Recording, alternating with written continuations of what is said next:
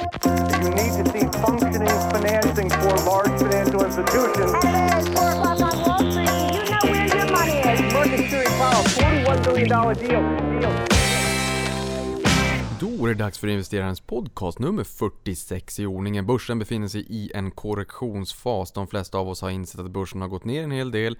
Vi toppade 29 augusti och nu inför måndagen egentligen den här veckan så var vi ner runt 10,5%. Och det är ju en nedgång från eh, toppen till botten på minst 10% och som man brukar säga det är en korrektion.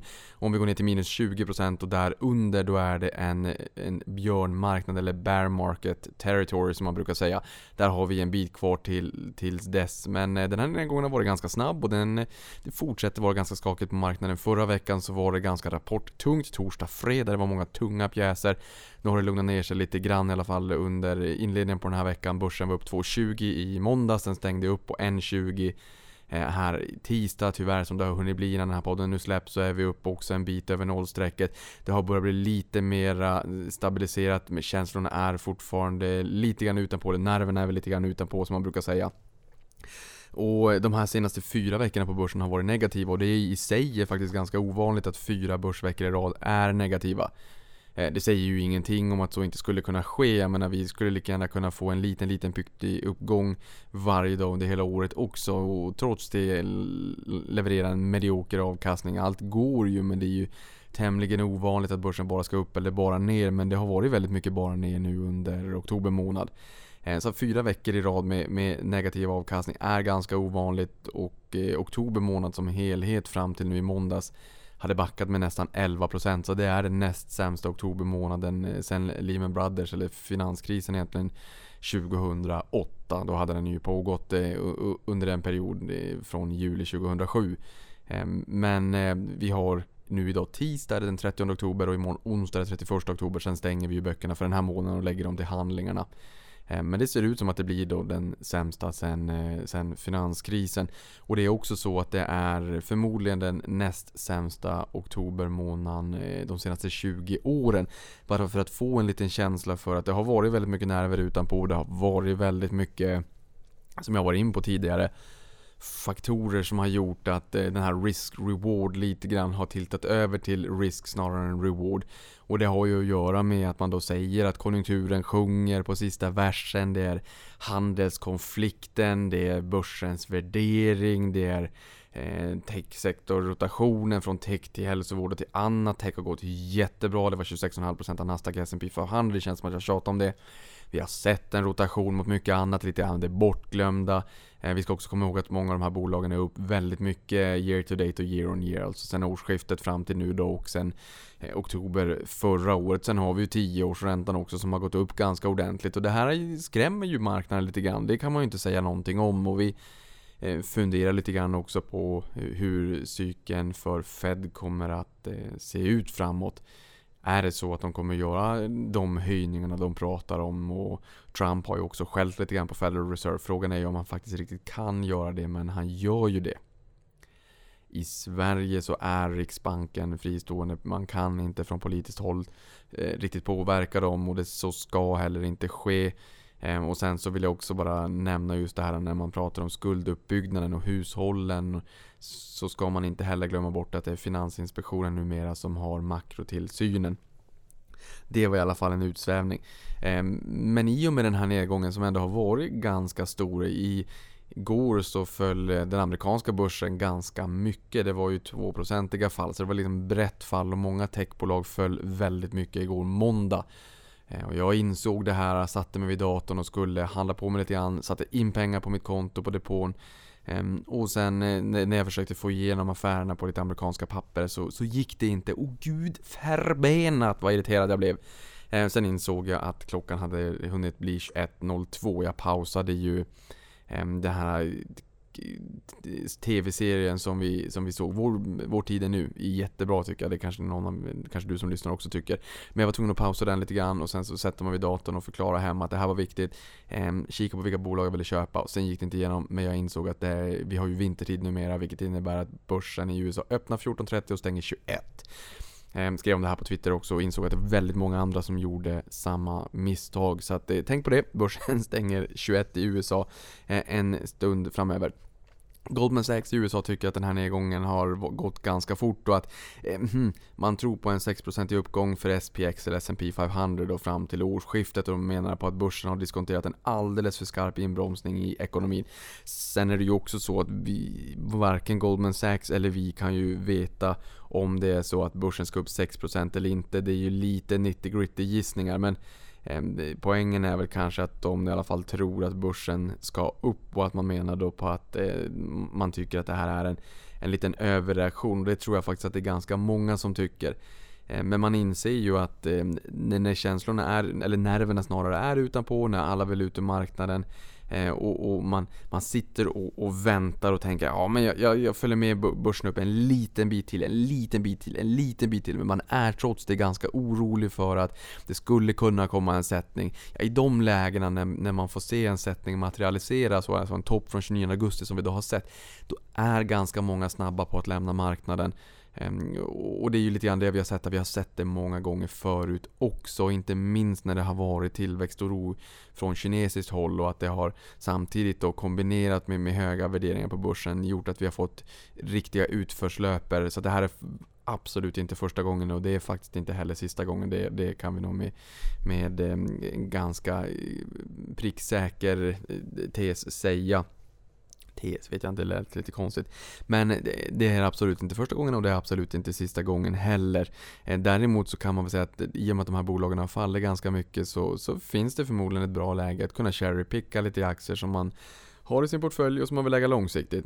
För det är de som har tiden på sin sida, de har på riktigt en edge. Därför att det finns väldigt många aktörer där ute, fonder inte minst, de måste leverera löpande hela tiden. Eh, det är väl bara att gå tillbaka till hur eh, många beter sig. Man, man köper de fonderna som är på vinnarlistan och man säljer de fonderna som är på förlorarlistan.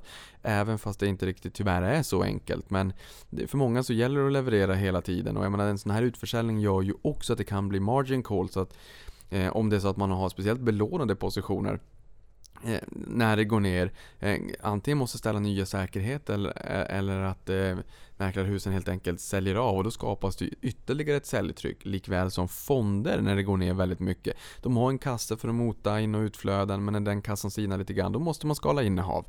Eh, och sen är det också i mångt och mycket så att eh, det, passiva flöden, ETFer, robotar med mera. Det, det, det förstärker förmodligen rörelserna. Därför att när jag säger att det här är den sämsta oktobermånaden sedan 2008 och den näst sämsta senaste 20 åren så kan jag inte låta bli att åtminstone reflektera kring om det är så att just det här med eh, mera derivat i, i volatilitetsprodukter precis som i februari som stökade till det lite grann. Eh, ETFer, passiva flöden, robotar. Om det är så att det förstärker effekten. Jag tror det men jag har inget belägg för det. Men, men det känns så i alla fall. Jag lyssnade även på en amerikansk podd i morse eh, som menade på att eh, gå tillbaka till de senaste kriserna eller krascherna. Jag skulle absolut inte kalla det här för en krasch. Vi är nere i en korrektion på mer än minus 10%. Det är ganska vanligt. Det som är mindre vanligt är att det går så här snabbt. Eh, 1987 när jag föddes, så att ungefär ett halvår senare, måndag 19 oktober eh, 1987, så föll börsen eh, 22,6% eller 508 punkter på Dow Jones under en enskild handelsdag. Och det intressanta där är att då var P talet 29 på börsen. Vid IT-euforin, strax innan IT-kraschen 2000, så var det framåtblickande P talet 27. Eh, och i och med att eh, det enda man kan spå för, för nästkommande år det är ju hur vinsterna ska utvecklas, knappast hur aktiekurserna ska utvecklas. Vilket innebär att ett P-tal framåtblickande på 27 eh, det vill säga framåtblickande för 2001 då, bör ha varit rimligtvis ett ännu högre P tal för 2000 om man tittar på vad man var där och då som en ögonblicksbild 2000. Så att både 1987 och 2000 var värderingsstyrt kan man säga. Finanskrisen 2007-2008, ja ni vet den amerikanska bostadsmarknaden. Vi insåg att vi var mer globala och mer finansiellt sammanflätade än vad vi hade kunnat ana. Däremot så klarades inte allting. Vi hade inga riktiga system som till punkt och pricka kunde redovisa vem som satt på vilka risker. Det gjorde att man blev orolig för vem som satt på Svarte Petter och kreditmarknaden frös till is och allt annat är historia. Ehm, så att, och idag så ligger faktiskt eh, P talet för 2019 förväntat, alltså nästa år, på 13,5 under 100-årssnittet på 14-15. Jag har sagt det förut däremot och jag säger det igen att 100-årssnittet kanske inte säger jättemycket för, för den tid vi nu lever i. Men det jag vill säga det är att Eh, vi har nog inte samma värderingsproblematik idag, oktober 2018, som vi hade 1987 eller eh, för den delen år 2000. Så även om det är så att man är orolig för peak earnings, ja, det spelar egentligen ingen roll därför att eh, de sättningar som vi fick förr, då var värderingarna betydligt mycket högre innan en nedgång än vart vi kommer ifrån idag. Det är viktigt också att komma ihåg vart man kommer ifrån. Det är inte minst viktigt när vi pratar om amerikanska techbolagen och vart de då kommer ifrån. Ta Amazon som exempel, de fortsatte falla igår. De var uppe i 2050,50 som, som mest. Nu ligger de nere på en bit över 1500 dollar. De passerade 1000 dollar 13 oktober i fjol. Så det har ju varit en, en enorm resa för många av techbolagen. Och många är upp väldigt kraftigt, även year to date under 2018. Så att även om vi får stök där så är det viktigt att veta vart, och komma ihåg vart vi kommer ifrån i Sverige har vi inte riktigt haft samma glädje av att vi har kommit ifrån en stark period. Vi har haft en ganska medioker börs. Samtidigt som om det är så att du ska cherrypicka i USA så ska du också komma ihåg att den här senaste åren som har varit har gjort att dollarn återigen har stärkts. Eh, senaste månaden är dollarn upp eh, 3% så att eh, valutadimensionen har stärkts lite grann. Sen skäller ju Trump också på Federal Reserve och menar på att de kanske höjer räntan alldeles för snabbt. Och Ehm, skulle det vara så att Federal Reserve i USA ändrar sig, ja, det skulle förmodligen eh, kunna leda till ett lättnadsrally. Är det så att handelskonflikten som ånyo har fått förnyad bränsle skulle lösa sig mellan världens två största ekonomier, USA med Donald Trump och Kina med Xi Jinping, så skulle det förmodligen också kunna bli ett eh, lättnadsrally. För det är i mångt och mycket det som ligger som en våt filt och det som man i mångt och mycket oroar sig för. Just nu däremot så kanske det inte eh, finns några tecken på att eh, handelskonflikten kommer att lösa sig. För amerikansk media nu här senast i dagarna rapporterar att Trump planerar tariffer på återstående 257 miljarder US-dollar av kinesisk import. Alltså tutti barutti då. Eh, om samtalen med Kina inte är fruktsamma och det här kommer förmodligen då ske i december. Det finns tariffer idag som är på 10%, de kommer också att höjas till 25% i december. Så att eh, den, den här eh, oron för handelskonflikten har ju förnyats, fått förnyat bränsle och det kan eh, vara något som stökar till det ytterligare fram emot slutet på året om det är så att vi inte har fått framsteg i, i de här samtalen då. Det har vi ju inte riktigt fått hittills, i alla fall inte det som har eh, publicerats offentligt för, eh, för oss vanliga dödliga människor. Så det återstår att se. Men eh, som sagt, korrektioner är inte så ovanliga. Även om det är peak earnings så eh, har vi inte den värderingsproblematiken på samma sätt idag. Och det är ju självfallet så att även om P talen på nästa års förväntade vinster är 13,5 Ja, är det peak earnings och vinsterna faller och vi går in i en lågkonjunktur, ja men då är det ju klart att då kommer ju 13,5 utan att vi ens gör någonting kunna gå upp i 14, 15, 16 kanske. Eh, I och med då att vinsterna faller även om aktiekurserna står stilla. Men sen så kommer ju börsen att få förnyad energi. Eh, jag tycker mig, och har sagt det här många gånger tidigare också, det känns som att eh, det är väldigt många där ute i det sociala Twitterflödet som påverkar väldigt många människor och skapar lite magont i magen. Ehm, där det liksom då sägs och framställs som att vi ska få en börskrasch. Ehm, det här med börskrascher är eh, oerhört ovanligt. Jag vet faktiskt inte riktigt om det finns några exempel i närtid där en, en vanlig lågkonjunktur har utlö, utlöst en krasch. Nu är ju sällan stök på marknaden någon som tillhör vanligheten. Historien brukar inte upprepa sig utan den brukar rimma. Men, men att ekonomin går in i ett lugnare skede, det kommer knappast leda till en eh, börskrasch. Sen är det ju också så här, det är bara att gå tillbaka till eh, intervallträning på löpbandet, ja men tacka tusan för att du inte kan köra järnet hela tiden. Det säger sig självt, det, det ligger i sakens natur när man säger intervallträning. Börsen är också intervallträning, det är bara så. Ehm, den går upp i större delen av fallen. Ehm, börsens naturliga tillstånd är bull market, glöm inte det. Det finns bear markets från tid till annan. En bear market är alltså när börsen faller minst 20% från topp till botten. Eh, och där är vi ju inte än utan vi är bara i förstadiet och en korrektionsfas. Ehm, den senare tiden om man tittar historiskt så har en bear market i USA i alla fall eh, hållit i sig i ungefär 1,35 år. Så inte jättelång tid heller för alla ska ju ut samtidigt. Det har vi sett i oktober. Det går fort ner för att många är oroliga och alla vill ut samtidigt. Ehm, för min egen personliga del så känner jag snarare att jag nästan vässar klorna och känner så här: okej, okay, vilka bolag vill jag äga långsiktigt? Vilka bolag vill jag kunna skala in mig lite mera i? När jag pausade vår tiden nu igår för att sätta mig vid datorn och titta på USA, då, då nästan, det, det kliade i fingrarna på mig för jag kände att nu, det, känns, det känns väldigt bra att börsen går ner. Därför att det innebär att jag kan få en andra chans att köpa på mig lite större positioner och skala upp de positionerna jag har i den amerikanska portföljen. Sen måste man också sätta saker och ting i kontext för när jag säger att det faller, det föll ganska mycket ändå. Det var Nvidia var ner nästan 10% exempelvis. Nu har jag inte den i portföljen. Eh, men halvledarbolagen har haft det riktigt jobbigt som Nvidia, Intel, AMD eh, med flera. Eh, men det, man måste ändå komma ihåg att de här bolagen har gått urstarkt och det är lite knepigt. Sverige är ju eh, en liten marknad och, och vi dras med i den allmänna oron och allmänna bäs-sentimentet men vi har inte alls den starka den starka marknaden i ryggen. Så att ha med det. Och jag har sagt det förut och jag säger det faktiskt igen att det är jättebra att ha en köplista också på vilka bolag man vill köpa på sig lite mer när det skakar till.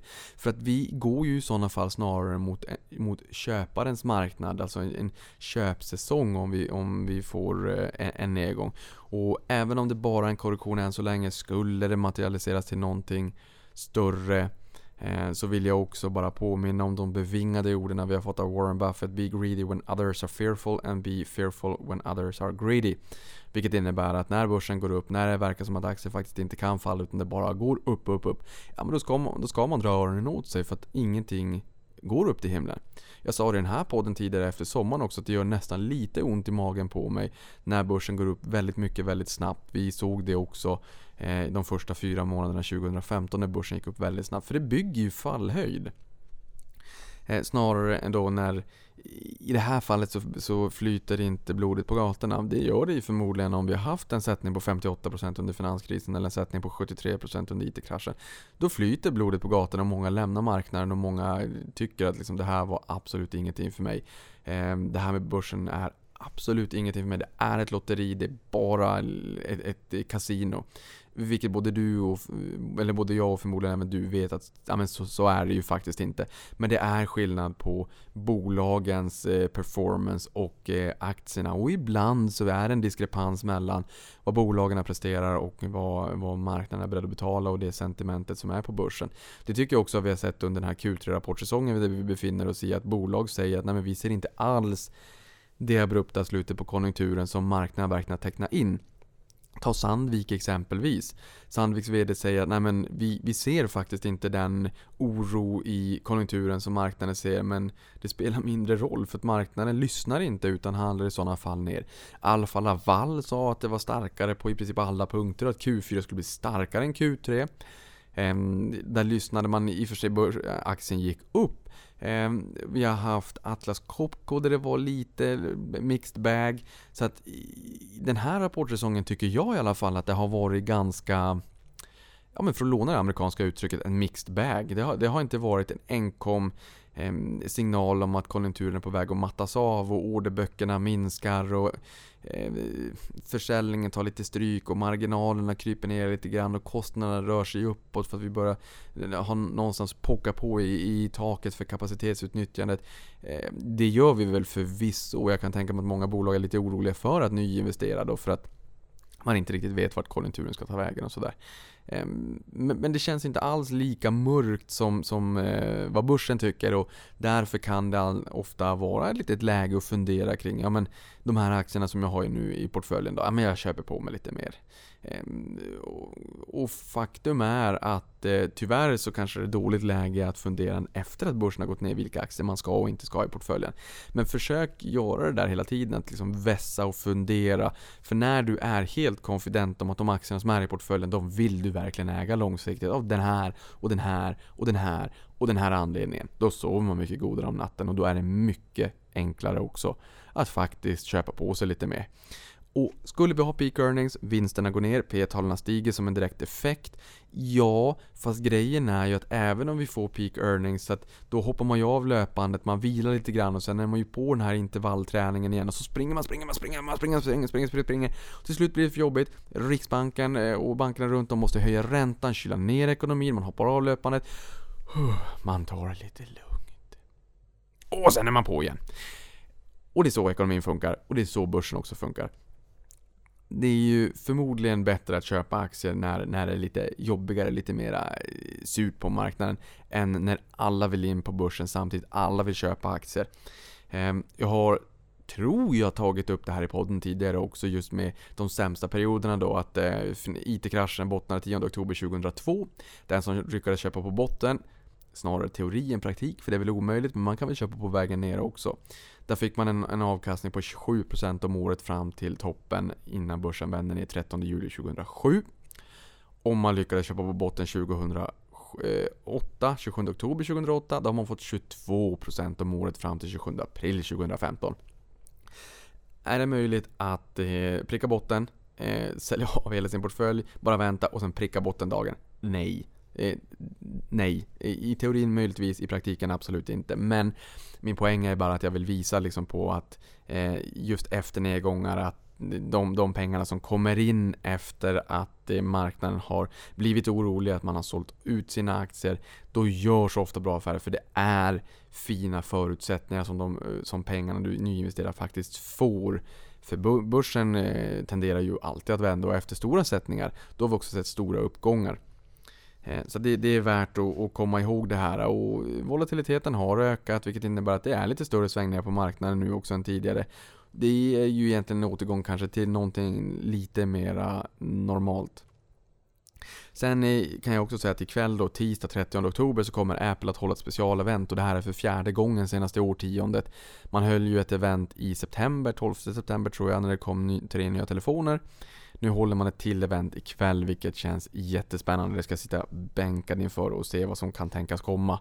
Man tror att det är liksom en ny padda, en ny dator, en ny uppdaterad penna och lite annat eh, smått och gott. Och att de här paddorna kanske kan ha eh, displayen hela vägen ut i kanterna. Eh, I alla fall, jag och alla Apple-fans där ute kommer nog sitta bänkade och se vad som kan tänkas trilla in på det här eh, i produktsortimentet för världens högst värderade bolag, eller bolaget med högst eh, börsvärde. Inte eh, värderingen mätt i eh, vinsten, så att säga P-talet, för det är inte speciellt utmanande. Även om det är högre än när det var 2016, för då var P-talet typ 9 på det här bolaget. I alla fall, jag ska bege mig till Sydkorea eh, nästa vecka och eh, Hongkong, Kina Eh, och där kommer jag också ta med mig poddutrustningen, självfallet. För det är nämligen så här att du ska med på min resa. Eh, kanske inte fysiskt, men åtminstone i tankarna och i det digitala. För i din högtalare eller dina hörlurar eller på vilket sätt du än lyssnar på mig i din bil eh, så kommer det att flöda ut asiatisk inspiration näst, nästa vecka blir det väl då. Vi landar på lördag söndagen. Så då kommer vi att kika lite grann mer på Sydkorea, träffa lite bolag både i Sydkorea men även i Hongkong. Förhoppningsvis hade det varit otroligt roligt att få besöka Shenzhen. Eh, vi får se om så blir fallet. Det är ju Kinas motsvarighet till Silicon Valley och i Sydkorea Ja, där är ju gaming också glödhett och ett stort sydkoreanskt bolag som de flesta känner till är ju Samsung. Ehm, så det ska bli jätteroligt. Jag kommer att uppdatera dig mer kring det här och eh, helt enkelt så, ja, du får följa med mig helt enkelt. Men hörni, med tanke på att börsen skakar till rätt mycket, vi är ju också lite nyfikna på hur värderas börsen nu då? Så jag kikade på det här inför eh, det här avsnittet. Eh, och Dow Jones, eh, alltså de 30 blue chip-bolag i USA, det är ju det äldsta indexet, 1896, det där kan du ju sömnen numera nästan.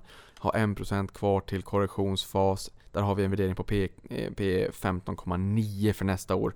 Eh, Nasdaq 100 19,1. Det är ju lite till större utsträckning, eh, lite högre värderade techbolag i Nasdaq 100. Ingen finans. Sen har vi S&P 500, de 500 största börsbolagen i USA, 16,4. Och sen OMXS30 då, 13,5. Direktavkastningen på Stockholmsbörsen ligger nu på 4,6% förväntat mot 10-åringen som kanske ligger på typ 0,7. OMXS30 befinner sig i korrektionsfas, Nasdaq 100 befinner sig också i korrektionsfas, S&P 500 är någon tiondel ifrån korrektionsfas och Dow Jones som jag sa nyss har 1% kvar till korrektion. Ehm, och sen i Sverige då, så de aktierna som har tagit ganska mycket stryk är ju aktier som har gått väldigt, väldigt bra och det är ju cykliskt. Det är eh, Boliden och SSAB. Det är väldigt cykliska aktier. Är man duktig på timing så finns det jättemycket pengar att tjäna på de här bolagen. Ehm, det är ingenting för mig, jag äger dem inte och jag är inte superduktig på timingen på så vis. Ehm, de här befinner sig i björntrend. Boliden har fallit 28% från, från eh, högsta nivån och SSAB har fallit 21%.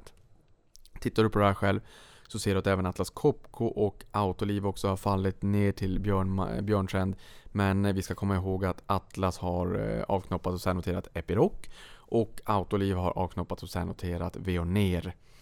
Ehm, så att man har med sig det. Ehm, men de aktierna på S&P 500 som har fallit allra mest sen 52 week high eller liksom högsta nivån senaste året då bara för att få liksom lite inspiration och lite inspel för dig som vill kika vidare.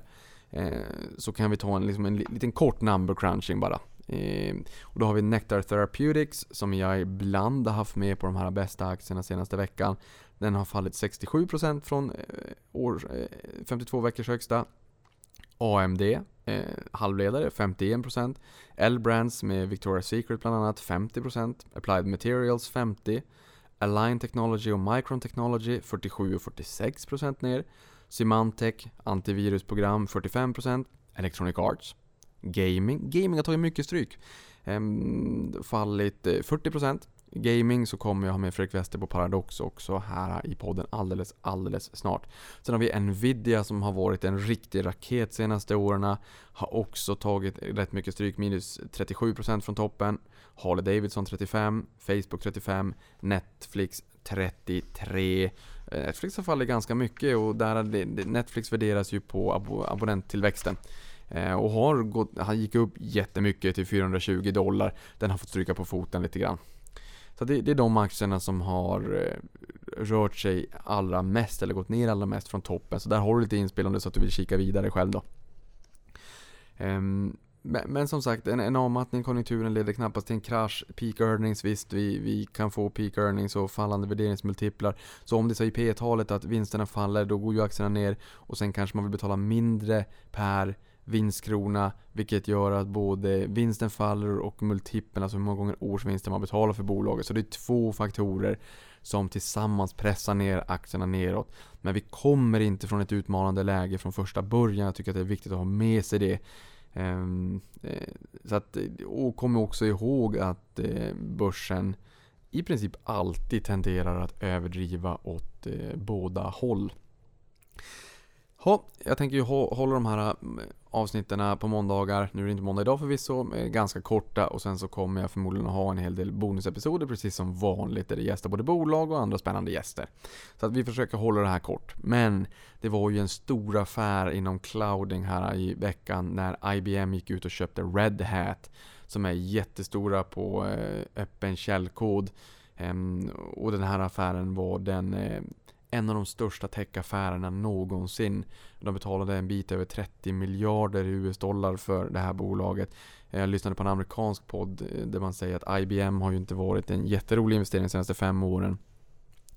Eh, och lägger ungefär 7% av eh, sin försäljning på R&D eller forskning och utveckling. Och nu köper de Red Hat då, som lägger 20% av eh, försäljningen på eh, forskning och utveckling. Så det är ju förmodligen en mer snabbspringande pjäs och, och duktiga inom clouding också som kanske då behövs för att liksom pusha upp IBM lite grann som har legat lite grann i malpåse de senaste åren.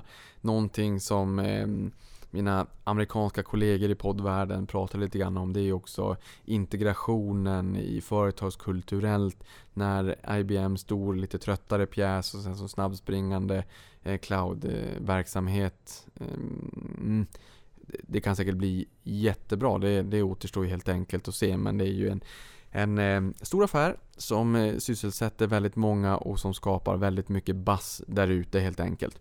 Sen har vi amerikanska Boeing med flygplan men även sin försvarsdel som hade sin sämsta börsdag sedan eh, februari 2016 efter att de föll 6,4% och det här var efter en flygkrasch i Indonesien där 80, 188 eller om det var 189 personer till och med eh, befaras ha mist eh, livet tyvärr. Och det här var ett plan av typen Boeing 737 Max. Eh, självklart alldeles eh, det är tragiskt och förskräckligt när någonting sånt här sker.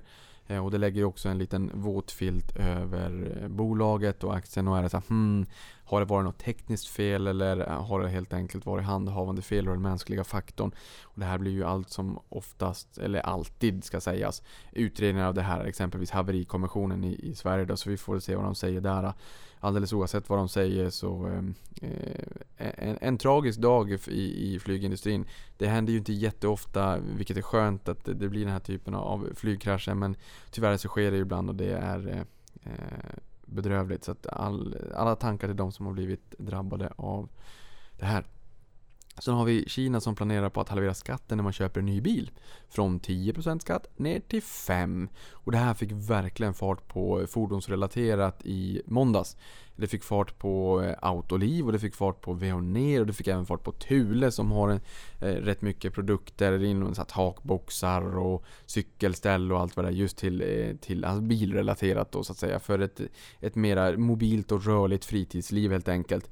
Eh, och i Tyskland såg vi DAXen gå upp jättemycket också. Dels så sa Angela Merkel att hon inte skulle ställa om för nyval och sen eh, eh var det ju väldigt många bilaktier i Tyskland som fick riktigt fart under galoscherna och en kuriosa är att Volkswagen säljer strax under 40% av alla bilar till Kina så att de tycker att det här var jätteroligt och det såg man ju i aktien också som fick en rätt fin fart. Sen har vi Warren Buffetts bolag Berkshire Hathaway som har investerat en del i fintech på senare tid. Eh, och det här är no någonting då som bedömare menar är ett starkt signalvärde för att de håller på att byta fokus från klassiska blue chips. Och det här är de nya förmågorna Todd och eh, Ted som eh, förmodligen ligger bakom de här investeringarna. Det tror jag till och med att man har kommenterat. Ehm, och de har investerat 600 miljoner US-dollar i två fintech senaste månaderna och det är brasilianska Stoneco som processar betalningar och indiska PayTM.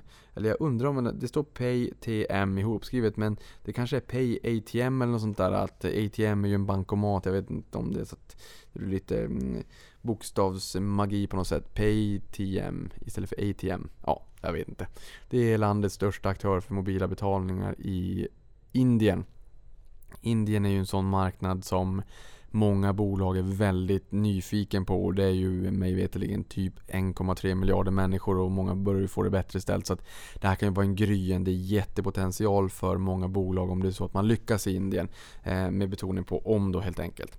Sen har vi Lifcos VD Fredrik Karlsson som har köpt aktier i bolaget för 11,7 miljoner kronor och har desto mer sen innan. Men ingalunda är detta positivt för, att, eller för oss som, som gillar pilotskolan helt enkelt. Microsoft är numera USAs näst största börsbolag när man har gått om Amazon som har eh, gått ner ganska, ganska eh, betänkligt från toppnivån där på 20-50 dollar. Eh, och sen har vi Storytel som öppnat kontor i Singapore och förbereder marknadsinträde. De ska lansera sin tjänst där under 2019 och de huvudsakliga språken är engelska och kinesiska eller mandarin. Då. Eh, de har 5 miljoner invånare och blir det första landet i Sydostasien. Eh, Storytel har ju sagt att man ska fokusera på Sydostasien men även Latinamerika, eller Sydamerika. Har du inte lyssnat på poddavsnittet med Jonas Tellander som är delgrundare och VD i bolaget Storytel så kan du backa bak till några avsnitt sen så får du en, en rätt feelgood podd kring eh, Storytel och vad de tror och hoppas om framtiden. Eh, och det som är spännande med, eh, med just Singapore enligt bolaget självt och det är ehm, att man ligger långt fram vad gäller digitalt innehåll och abonnemangstjänster och det gör det ju såklart extra intressant att slå sig in i en marknad som att slå in öppna dörrar kanske.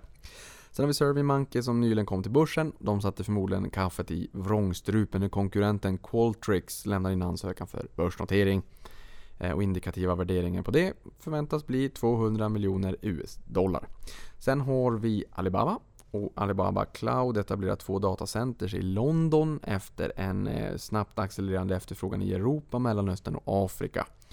Idag har de två sådana datacenters i Frankfurt och i Dubai och globalt så har man 52 datacenter i 19 regioner världen över. Och det ska vi väl också bara påminna om att de nyligen drog sig ur USA.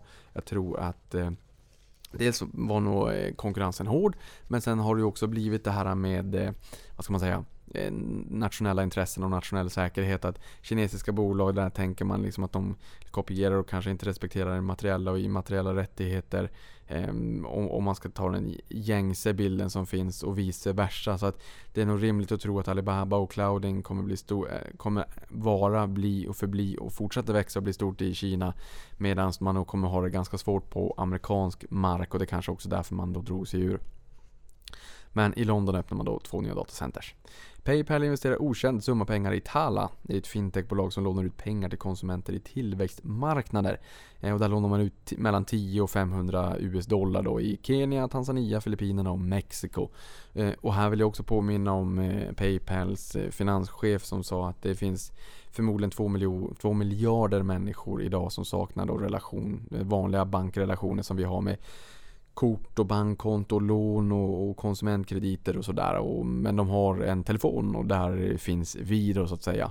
Eh, de köpte ju också svenska iSettle så det här känns ju rätt spännande för affären, eller affärsmodellen är ju ganska skalbar.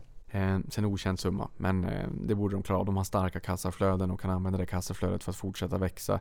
Det är ju någonting som finanschefen också har kommenterat att de ska göra. Sen har vi Kinnevik som har investerat 443 miljoner kronor i resebokningsplattformen Go Euro.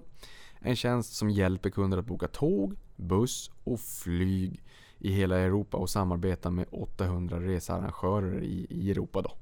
Tjänsten har 27 miljoner användare varje månad och 75% av användarna finns på mobila enheter. Det får mig att tänka på det klassiska uttrycket Mobile first och att saker och ting ska vara responsivt och se snyggt ut i telefonen. Och när jag står på bussen eller tunnelbanan eller var det är och vart jag än ska så sitter banne med nästan varenda en med eh, sin telefon. Och det är ju självklart, gå till dig själv. Här är det så att man ska någonstans från A till B och, och då, då, blir det väldigt, väldigt enkelt att eh, firra upp den där telefonen och, och, göra diverse ting. Det går att göra allt möjligt med en telefon numera, det är ju som en dator.